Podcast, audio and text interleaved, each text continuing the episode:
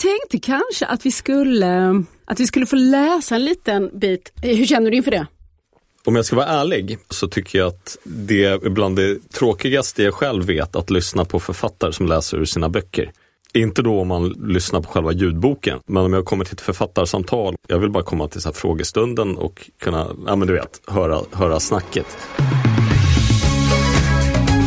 Pocketpodden. En podd för dig som älskar pocket. Hej och välkommen till Pocketpodden avsnitt 68. Jag heter Lisa Tallroth och en stigande känsla av panik det har Arto, huvudperson i David Erlemans roman Lite död runt ögonen. Men också läsaren känner av det här. Vi tvingas ut på samma sluttande plan där varje fotfäste är en lögn. Det handlar om föräldrakärlek och om drogmissbrukets obarmhärtiga logik. Och David Erleman är gäst här i podden idag. Och på det lite serotonin. Det är titeln på Michel Houellebecqs senaste roman. Lite senare blir det. Så ser det ut. Nu börjar vi.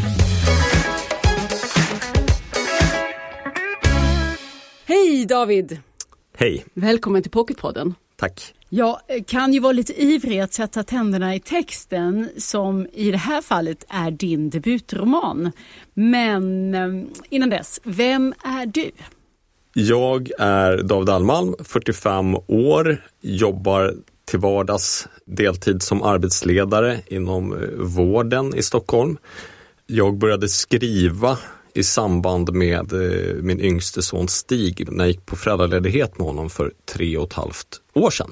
Jag hade skrivit lite grann innan, men inte på det här sättet och aldrig liksom gett ett seriöst försök. Och så blev det en roman då, nästan på första försöket låter det som då. Ja, så är det. Det, det gick faktiskt, alltså det kändes inte så då, men, men nu i backspegeln så gick det väldigt fort. Samma dag som jag skickade ut manuset till Lite död runt ögonen, jag gjorde det på, på förmiddagen och exakt 32 eller 33 minuter efter så fick jag mail från Siri Lindgren som, som nu är min agent. Då hade inte hon läst hela, men hon hade läst typ första 50 sidorna. För hon hade, jag hade haft tur, hon hade suttit vid sin dator och inte haft någonting att göra. Och så här, fått ett mail, öppnat upp och börjat läsa. Stjärnorna stod rätt. Stjärnorna stod rätt, ibland har man en liksom jävla tur och, och det är väl liksom det är väl en av de få gångerna. så att det inte så att jag har snubblat genom livet och det liksom har fallit massa tur över mig. Men just den här gången så gjorde det det. Eh, mm. Var det nu det var dags för det här i ditt liv? Eller hade den här berättelsen kunnat komma tidigare? Om du hade bara förstått vilken begåvning du sitter på? Jag tror inte att disciplinen fanns eh, där tidigare. Det, det, är klart att det är bra om det finns en grundförutsättning för något. Att man har liksom någon form av förmåga till något men 90% är ju disciplin och att sätta sig ner och ar arbeta för att liksom det ska bli en bok som, ja. som den som ligger framför oss här nu. Lite död runt ögonen är titeln och här möter vi huvudpersonen Arto. Han är pappa till sexåriga Bodil och sen är han en hel del annat också. Han är tidigare narkoman till exempel. Men det viktigaste är att han är just pappa och du har många fina scener där du visar på den här relationen mellan far och dotter. Och jag tänker till exempel på den varifrån du har hämtat bokens titel. Eh, berätta vad det är som händer där. Hon, eh, Bodil, vill rita en teckning till sin mamma. Eh, hennes mamma är död sedan ett och ett halvt år tillbaka och ligger begravd på eh, Skogskyrkogården i Stockholm. Och eh, Art och Bodil ska besöka graven och då säger Bodil att hon vill ta med sig en teckning och efter många misslyckade försök på teckningar som hon inte blir nöjd med kommer hon på att hon ska rita sin familj. Hon ritar sig själv, hon ritar Arto och sen så ritar hon sin mamma med, med vad Arto tror är smink. Han frågar, frågar Bodil om mamma sminkat sig och hon säger nej, jag har målat lite död runt hennes ögon. Kan man ha det? säger Arta. Ja, om man är död, säger Bodil. Så därifrån är titeln. Och det är ju detta faktum och tomrum som Bodil och Arto måste hantera. Att mamma Sofia är död och att hon dog av en överdos trots att hon då hade varit ren så länge. Det var ju egentligen Arto som var den som inte hade fått ordning på livet och drogmissbruket. Men nu måste han verkligen få det för nu är han ensam ansvarig för den lilla dottern och när vi kommer in här i berättelsen så ser det ju faktiskt ut att gå ganska bra. För Arto han har jobb i ett skolkök och han lever dagarna enligt ett eh, hårt inrutat schema, tar sig fram steg för steg. Men allt hänger ju förstås i sköra trådar och när ett rykte uppstår om att Arto langar droger till skolans elever, då får rektorn panik och Arto åker ut. Och vad rör sig i hans huvud då? Till en början så försöker jag nog lösa det som vem som helst av oss hade löst det genom att eh, gå till Arbetsförmedlingen. Och det går också bra till en början, för han får ett jobb på en lunchrestaurang vid, vid Gullmarsplan. Och faktum är att det är enda gången under liksom själva skrivandet i boken som jag stötte på ett gupp därför att jag hade liksom skrivit fram en lösning efter typ 45-50 sidor att nu har jag Arto ett jobb. Så jag var liksom tvungen att ställa till det lite för Arto för att det skulle bli en bok. Så då får han ett, eh, efter några dagar ett telefonsamtal från den här lunchrestaurangen. Han får veta att eh, arbetet finns där men det blir framskjutet i om det var en och en halv eller två månader. Och det är då det liksom ställer till det för honom. Det är då han liksom frestas att under den här begränsade perioden så får han eh, för sig att han ska använda de sätt som han tidigare tjänat pengar på, det vill säga stjäla bilar. Och han tänker också att det är tillfälle för honom att liksom kanske skrapa upp en liten buffert från honom och Bodil så han inte ska vara lika sårbar igen om han skulle hamna i en liknande situation. Så på den vägen är det och det är väl det som Arto är en sån person som jag brukar säga 90% människa. Att till 90% så är han som, som oss, sen så är det liksom 10% som skaver. De här 10 procenten som gör att han rätt lättvindigt, eller som kan framstå som rätt lättvindigt kan ta ett liksom knasigt beslut, att han lätt faller in i våld och om, situation, om han tycker att situationen på något sätt kräver det i ett läge där, många andra kanske hade bara gått därifrån. Han försöker göra rätt utifrån den han är och han är ingen perfekt person. Mm. Och snabbt sen så sätts ju allt i rullning här mm. där en lögn leder till nästa. Ja, han, han faller väl in i den klassiska narkomanfällan. Att använda de som står en närmast och eh, utnyttja deras goda vilja. Och, och, ja. och varför har du velat skriva den här historien om, om Arto och Bodil? Den kom sig faktiskt bara av en liksom så ögonblicksbild. Och då gick jag på Swedenborgsgatan på Söder eh, mot Mariatorget och såg en man i, i 40-årsåldern med ett liksom, tydligt missbruksutseende. Men han kom gående med en liten pojke i handen. En kille som kanske var i 6-7 års åldern hade liksom en liten ryggsäck på ryggen när de kom där hand i hand. Och jag såg bara dem under kanske 5, max 10 sekunder. Men de stannade kvar och eh, då tänkte jag mig att Arto skulle vara någon sån här bifigur som jag kunde ha liksom i jackärmen och dra fram. Men rätt fort så kom jag på att nej, men det, är ju, det är ju Arto som den här boken ska handla om. Arto pojken men, men pojken blev en flicka som heter Bodil. Och det är nog mycket för att jag själv har en liten dotter och att det liksom låg närmare att skriva. Mm. Um, han är ju en jobbig typ, Arto. På många sätt är han ju samhällets mardröm. Jag menar, han ställer sig utanför lagen, han utnyttjar vänner och familj, han ljuger och skäl och även om han egentligen är ren nu och har fått hjälp för att bli det så använder han fortfarande samma strategier för att lösa sina problem. Han ber inte samhället om hjälp utan han stjäl bilar istället. Men så är han ju då pappa. Och, och, så har jag funderat mycket på vad det här gör med honom. För att, eller kanske framförallt vad det gör med min bild av honom. För jag menar hur mycket förändras han egentligen av det här föräldraskapet? Eller är det så att jag tycker att syftet för hans beteende är lite högre nu för att han har en dotter så därför kan jag tycka om honom. Har du funderat på det här? Vad det spelar för roll att han är, att han är en pappa?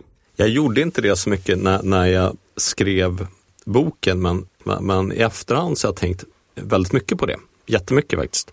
Att skulle man plocka bort Bodil från boken så skulle den i princip vara omöjlig. Då, då skulle ju, precis som du säger, så skulle Arto bara vara en framstå som en extremt osympatisk person. Det, det är ju någonstans Bodil som är liksom, ger boken ett hjärta. Och eh, deras relation som står i centrum av boken och som gör att man som läsare känner, förhoppningsvis, eh, känner för, för Arto.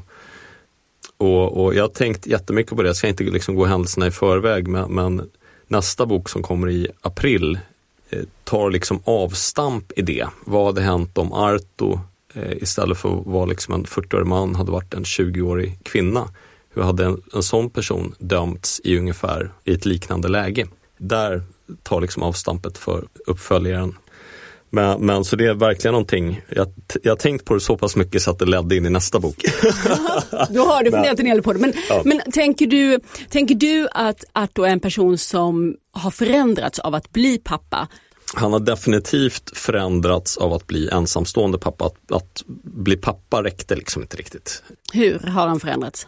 Ja, på, på många sätt. Ja, I och med att han liksom har levt för ett missbruk innan så förändras ju grunden i och med att han, han, han liksom byter, nu lever han för sin dotter, även om han på många sätt faller tillbaka i gamla mönster så är ju liksom fokuset i hans liv har ju förskjutits från fokus på missbruk till fokus på dottern.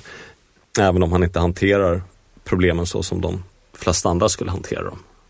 Mm. Det som jag tycker att du har fångat och skildrar väl det är ju den här förödande bristen på förtroende som präglar Artos tillvaro i, i alla riktningar. Såväl mellan honom som och de få vänner han har som mellan honom och samhället i form av till exempel socialtjänsten, lärare, rektor på Bodils skola. För det här är ju alla människor som verkligen vill hjälpa till.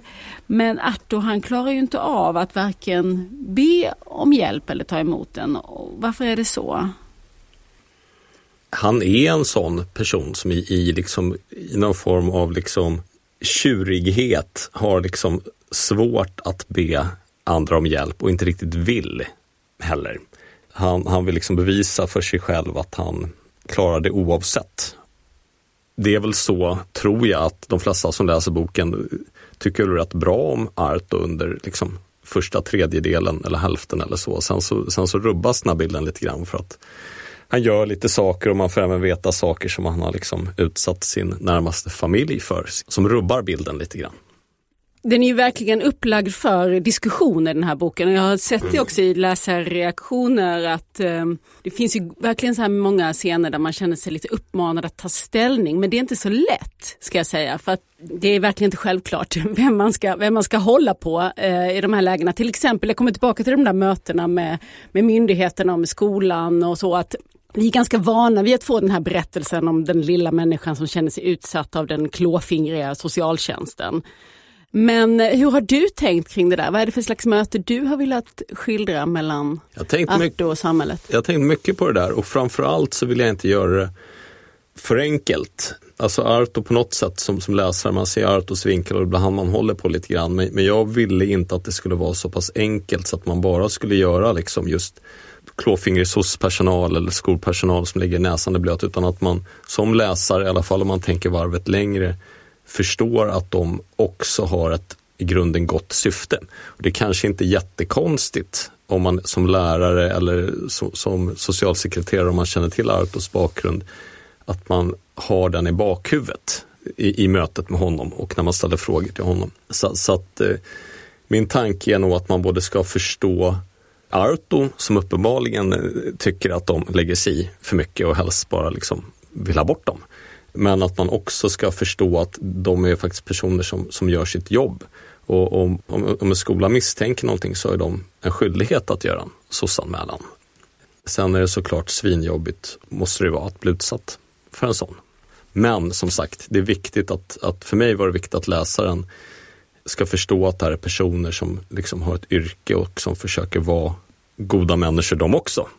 Och, och inte bara vara, vara liksom någon form av eh, klyschiga socialsekreterare eller lärare som, som har någon form av luddigt uppsåt, utan det är, det är personer som har ett gott uppsåt i grunden och, och som framförallt kanske inte sätter Arto främst utan att de sätter Bodil främst, dottern. Mm. Precis, det är ju henne som alla de här mötena kretsar kring, eller många av ja. dem, att man vill säkerställa hennes eh, trygghet. Och det finns ju faktiskt alla anledning att göra det, eller? Ja, det gör det. det är, Arto är knappast någon perfekt förälder, men han är också den föräldern som Bodil har, perfekt eller inte. Och, och det finns en väldigt stark eh, kärlek mellan dem som är viktig och som på något sätt är drivande för hela boken. Så att det, det vem är en perfekt förälder och vad, vad, utgör, en, vad utgör en perfekt förälder? Jag, jag kan, om man liksom bortser från några liksom extrema situationer då som uppstår i boken, så eh, jag ömmar ju för både Art och Bodil och för deras lilla familj. Annars hade jag inte kunnat skriva, skriva boken och förhoppningsvis så, så kanske han växer i sin papparoll. Mm.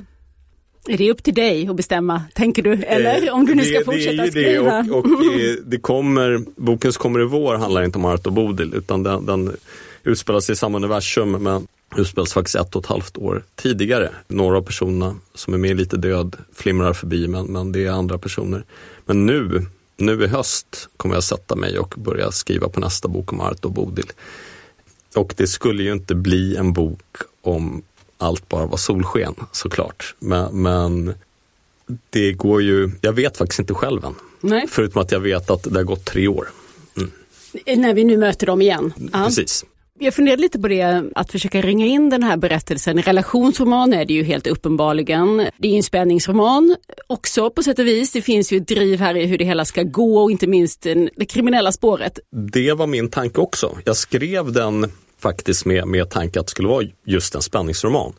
Sen tyckte både min agent och John, min förläggare på Forum, att det inte var en spänningsroman utan att det var en roman. Och just en relationsroman. Och jag kan se det. Men vi var inte helt, eh, hej John, vi, vi var inte helt överens där. Men det jag egentligen skulle vilja prata om, det är om man också kan kalla det för en klassskildring. Ja, alltså den tanken fanns där på så sätt att jag inte ville skriva om liksom en uppenbar den vanliga personen som är med i romaner eller spänningsromaner utan skriva om, om killen som, som jobbar i skolbespisningen och som har en lite liksom trasslig bakgrund. Men han, Arto kommer ifrån från liksom en ja, lägre medelklass. Han är väl snarare tillhör väl den generationen av 70-talister 60 och 70-talister som inte nödvändigtvis lyckades bättre än sina föräldrar eller gjorde mer av sitt liv än sina föräldrar. Kanske för att de liksom hade det på något sätt en, en så här grundtrygghet och inte lika mycket att kämpa för under uppväxten. Jag vet inte. Men, men, men Arto, i den mån Arto är en arbetarklass, och det kan man säga att han själv är, så, så har han liksom skapat det själv. Han kommer ändå från någon form av, av liksom, eh, lägre medelklass. Jag skulle inte säga att han, han kommer från en, en klassisk liksom, arbetarklass. Eh. Nej men det var nästan det jag tänkte, att du, de möts här, alltså Sofia, att och ditt, eh, de olika karaktärerna.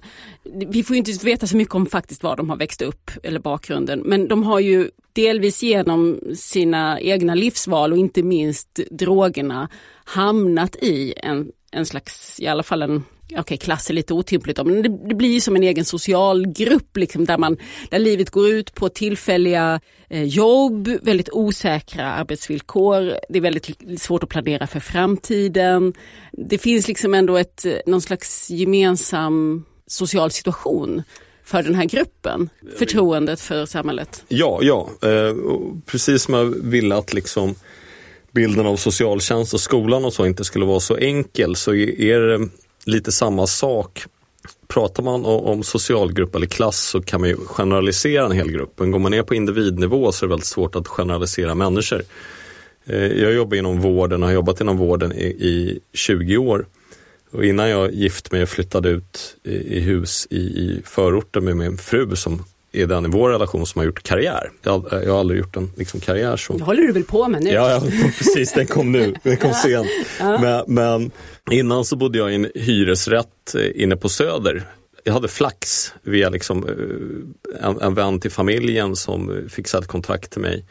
Men, men jämför man då om jag jobbar på, på, som vårdare på ett ställe, sen så bor jag då i min hyresrätt på Söder, sen har jag en kollega som bor i en hyresrätt i Botkyrka. Förstår du? Det, det, det väl, skulle vara lätt att säga att min kollega som har samma jobb och då bor i hyresrätten i Botkyrka, att det gör personen till arbetarklass. Särskilt då om den delvis eller helt har invandrarbakgrund eller så. Så jag menar, det är mer, och de sakerna spelar såklart in. Eh, det vill säga att det är mer, det är mer komplext än så. Eh, under ett halvårs tid i min liksom 20-åriga vårdarkarriär så, så fick jag hux flux ett mediajobb 2008 som jag jobbade inom ett halvår men då kände jag verkligen att man gjorde någon form av liksom så tillfällig resa. Även om jag inte ser mig själv som en klassresenär eller så. Men det blev helt plötsligt mycket roligare att prata, prata om sitt jobb och man kunde bli bemött på ett annat sätt ute ut på krogen och så. Du märkte en skillnad. Du tänkte, känner du att när du berättar om ditt ja. arbete inom, nu är det inom eh, LSS och på ett stödboende, men du har jobbat med missbruksproblematik tidigare inom socialpsykiatrin och så vidare. Ja. Så att du, du, det är inte folk intresserade av på krogen? Alltså så här, en del av det kanske sitter i ens eget huvud, så, så får man ju säga. Men, men eh, så kan det fortfarande vara om man, man är på en fest eller, eller någonting sånt. Sen kommer, ja men vad gör du? Om jag till exempel är med på min fru som jobbar inom media, om, om vi är på en fest där det är liksom till 90% andra personer som jobbar inom samma som henne. För ofta hennes bekanta vi är på fester hos. Jag får nästan alltid samma svar på när jag säger vad jag jobbar med. Att, ja men, ah, men vad kul, det, jag tycker det, det är så så trevligt att folk liksom vill, vill, jobba inom det också, att jobba med människor. Det blir ett så här klyschigt svar och sen fortsätter liksom inte diskussionen oh, för folk vet inte. Det är så fruktansvärt. De här mediamänniskorna, de är ja, så självupptagna. Nej, nej, men, ja. De är fruktansvärt självupptagna. Ja det är de. Det är de. de men, men, och det kan lika gärna handla med att, om att de vet inte hur de ska fortsätta diskussionen. Så jag, jag, jag dömer inte någon som, som, som säger så. Men visst är det, kan, är det skillnad. Och, och vi, visst har vi alla de här sakerna. Man går ju väldigt lätt till fördomar, det är jag med, det gör alla. Så fort någon säger någonting så placerar, särskilt om det är någon person man inte känner särskilt väl, så liksom, vi vill gärna sortera in folk i fack.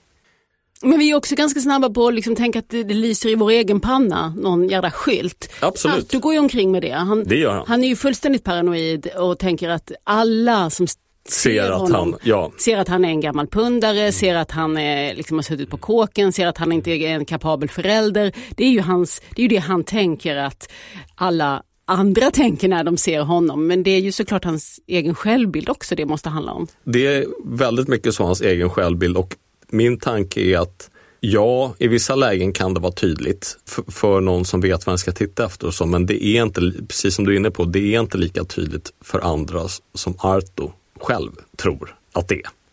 Och sådana saker tycker jag är jättespännande att skriva om som författare. Både som sagt med socialtjänsten, skolan, Artos självbild, att, att eh, försöka problematisera det här lite med, med klass, att inte det är någonting enkelt.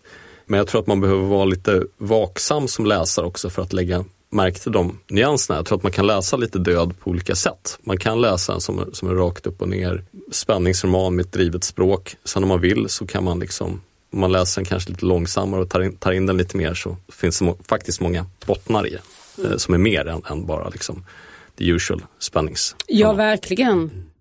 Det är väldigt mycket dialog i den här romanen. Tonsäker dialog. Tack. Tänker jag det kan vara svårt att sätta fingret på när en, varför en dialog är så bra. Det är lättare att säga när den är dålig. Men, eller vad tänker du? Ja, nej, men så är det absolut. Och, och, jag tycker det är väldigt roligt att skriva dialog och jag uppskattar dialog.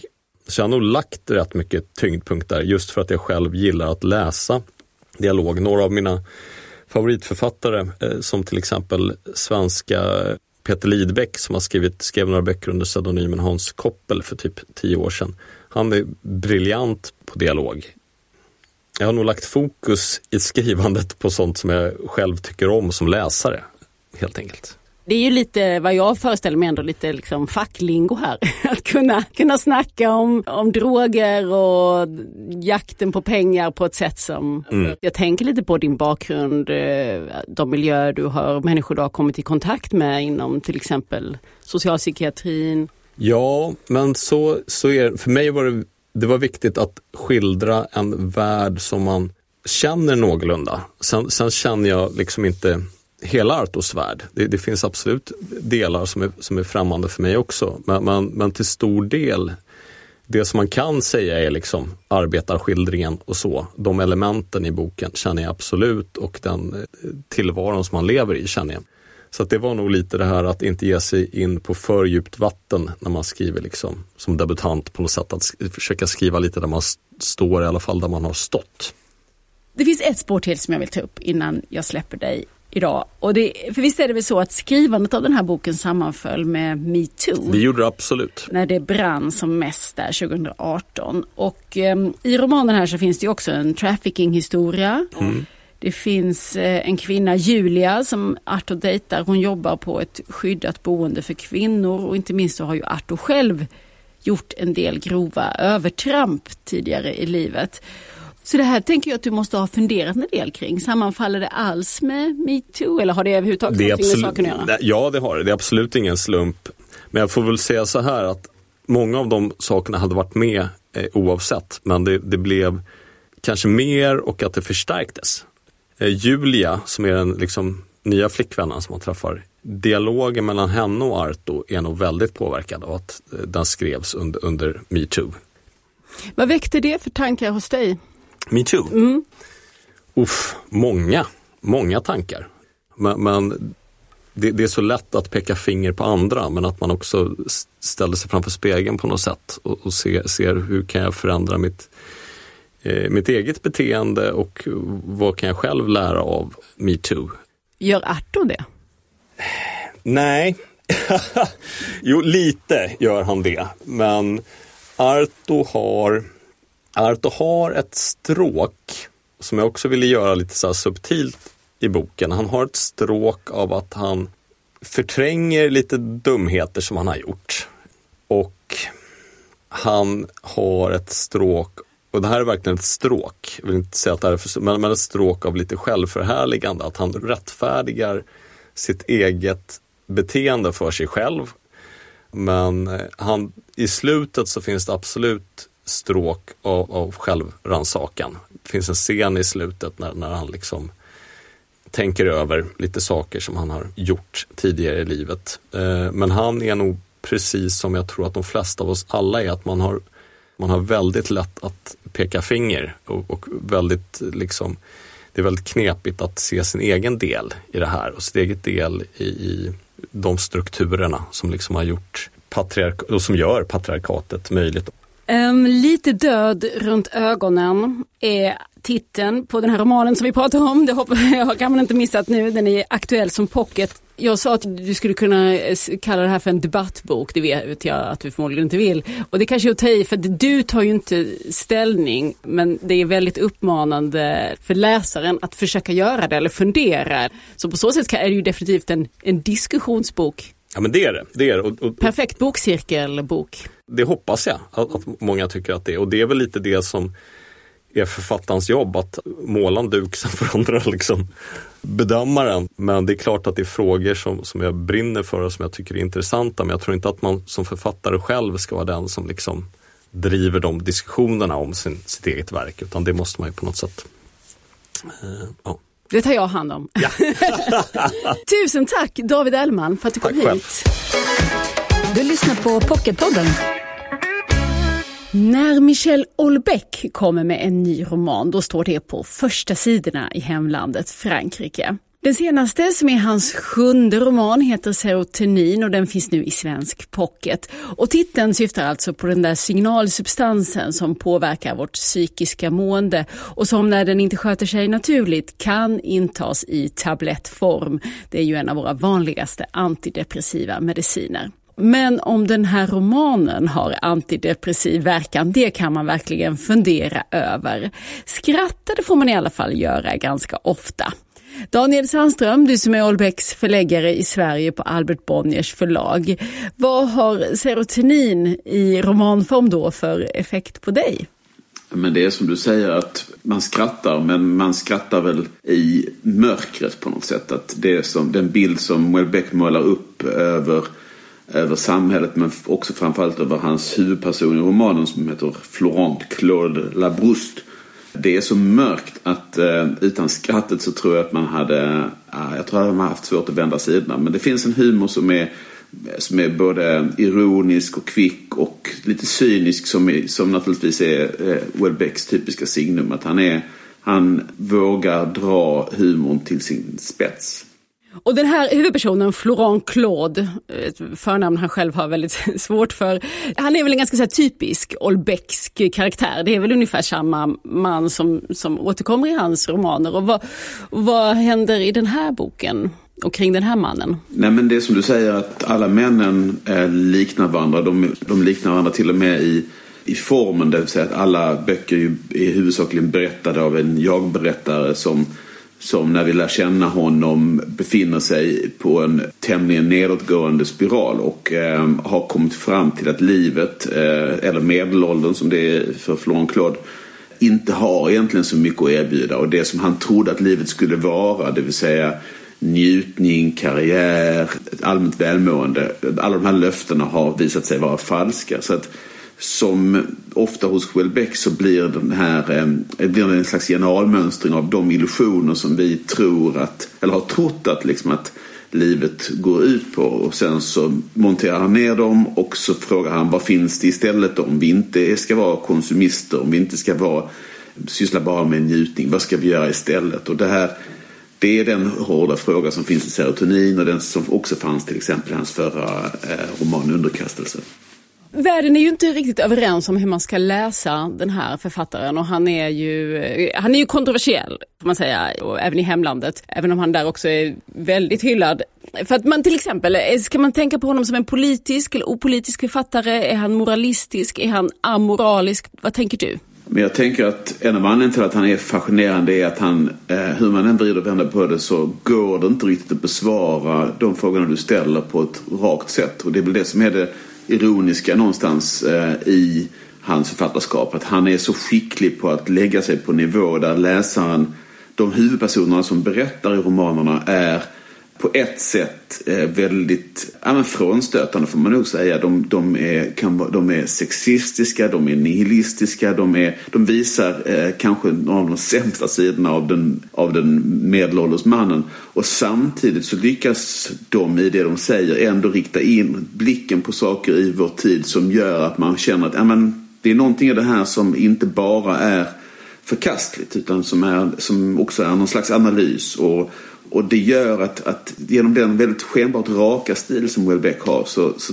han ger oss egentligen inte svar om vad han egentligen själv tycker utan han tvingar oss till att analysera och fråga vad menar författaren med det här. Och det är, det är inget unikt grepp för Welbeck men han, han är väldigt skicklig på att få texten att provocera fram svar hos läsaren. Men apropå det här hur pass politisk författare han är så har han ju ändå tagit sig an väldigt aktuella politiska frågor. I den förra romanen Underkastelse handlade det om islamism och i den här romanen Serotonin skriver han om jordbrukspolitik och om det europeiska projektet som man ju får säga att han beskriver som ett misslyckande. Och handlingen här utspelar sig ju i alla fall delvis ute på landsbygden i Normandie. Och kan du inte berätta lite grann om vad det är som händer där? Eh, det är ju så att vår huvudperson Florent Claude, han är expert på den europeiska jordbrukspolitiken och har jobbat med, gentemot EU med, att, med tariffer och avtal och subventioner och så vidare. Och, och liksom har då lärt sig hur det moderna europeiska jordbruket ska fungera. Och med, det, med tiden har han väl också blivit allt mer cynisk kring det här systemet. Att det är just ett system som i grund och botten inte syftar till att förändra någonting alls. Utan vad som händer gradvis är att den franska landsbygden och de franska jordbrukarna, de som lever inte i centrum utan i periferin på något sätt av det stora europeiska projektet, de kommer att bli allt mer utarmade, de kommer att bli allt mer förbittrade och känna sig allt mer utnyttjade. Och det är också det som, vad som gjorde att serotonin, eh, utöver den vanliga eh, uppståndelsen som romanen, eh, av romanen Houellebecq väcker, det var ju att den, den sammanföll med protesterna från de gula västarna i Paris. Så att han är väldigt skicklig på att fånga upp det politiska missnöjet som finns i Europa. Och han är också väldigt skicklig på att fånga upp eh, en slags leda gentemot en värld som har uppmålats som en slags perfekt liberal dröm där man ska kunna resa vart man vill, man ska kunna handla var man vill, man ska kunna bli vad man vill. Men i själva verket så, så är den kanske den här världen mycket mer en värld kantad av besvikelser. Så på det sättet så har han ju också speglat i den här romanen och flera andra en slags ett, ett växande missnöje med med den europeiska konsumistiska drömmen. Och det sammanfaller ju med ett missnöje som vi har sett också politiskt i populismen och i, i flera länder i Europa där man på något sätt försöker ersätta den här drömmen med någonting annat. Det kan vara nationen eller religionen och så vidare. Och det har han ju en väldigt skarp blick för. Eh, och det är det som, det är, det som är så provocerande med de här böckerna också därför att de ger en känsla av att den här konflikten är på riktigt. Ja, det där med provokationen, det återkommer ju alltid när man pratar om Olbeck. Blir du provocerad? Ja, men det får jag nog säga att jag kan bli. Det, men det är oftast på, liksom, på meningsnivå. Alltså själva, det själva tematiska projektet, vad han försöker göra som författare och vad han försöker provocera fram. Det blir jag inte så upprörd över. Eh, jag tycker ofta han är, han är också mycket mer, om man tar underkastelse, hans förra roman, så är den ju väldigt mångtydig och, och det gör att, han, att man inte kan tillskriva honom enkla åsikter även om han kan liksom säga saker i intervjuer och så vidare. Så romanerna har en rikedom av perspektiv och, och eh, som, gör att, som är väldigt tycker jag, eh, stimulerande som läsare. Men han är väl mest provocerande egentligen på, på meningsnivå. Hans, alltså, det finns ju alla karaktärerna, alltså du säger att hans, kan, hans huvudpersoner kan säga saker som, som man blir faktiskt lite chockerad när man läser. Och inte minst det finns en, sedan långt tillbaka i hans författarskap så finns det en frispråkighet som gäller den sexism som, som huvudpersonerna bär på. Som man är helt enkelt, man är inte van att läsa. Och hur tänker du att man ska förstå det? Ska man läsa det som satir eller är det i själva verket en, en misogyn eh, hållning som han ger uttryck för? För han är ju väldigt grov, inte minst i sina beskrivningar av kvinnor. Jo, nej, men jag tycker att man måste läsa det som beskrivningar av av de karaktärer som för ordet i, i böckerna. Det är de här männen som pratar i Welbecks romaner är ju inte på något sätt män vars världsbild man behöver dela utan tvärtom så är de ju väldigt misslyckade män. De är män som saknar eh, verktyg att hantera sitt liv och sexismen och den världsbild som, som de ger uttryck för är ju på, inte på något sätt, något, som jag uppfattar i alla fall, som, som Welbeck försöker applådera utan han försöker beskriva en viss typ av person som har kommit till, till kanske till vägs ände. Mm. Och till Sverige vill han inte komma vad jag förstår för att man inte får röka här. Jag vet inte om det är en skröna eller om det är sant, men har du träffat honom? Nej, jag, jag missade honom eh, på en Frankfurtmässa med en halv dag en gång i tiden. Nej, men det stämmer kanske att han har sagt det där om Sverige och han har sagt ganska mycket saker om Sverige. Han eh, hans vilja att turnera och prata om böckerna varierar. Jag, hans agent sa någon gång att han, han hade sagt till henne att han enbart ville göra eh, reklam för boken i Albanien den här gången till exempel. Vilket låter som ett typiskt Welbeck-uttalande. Han kan säkert komma till Sverige någon gång men det känns som att den här rökningsfrågan den är inte bara en liten kokett sida hos honom utan det är även i serotonin så spelar rökningen och var man får röka och inte röka en rätt så stor betydelse för handlingen. Så att eh, jag har en känsla av att det kommer att dröja innan vi ser honom här. Mm. Vi får nöja oss med romanerna och den senaste nu då som vi har pratat mest om här heter Serotonin. Det är Michel Olbeck som alltså är pocketaktuell här i Sverige nu. Tusen tack Daniel Sandström, förläggare. Tack, tack. Nästa vecka här i Pocketpodden gästar Anna Takkanen. Hon är ju känd regissör, skådespelare och teaterchef, men också författare till boken Sörjen som blev. Och den handlar om hennes pappa Timo. Han var en av 80 000 finska barn som skickades till Sverige under andra världskriget. Och det ska vi prata mer om nästa vecka. Tills dess, följ oss gärna i sociala medier. Där heter vi Älska Pocket och jag heter Lisa Tallroth. Du har lyssnat på Pocketpodden. En podd från Bonnierförlagen.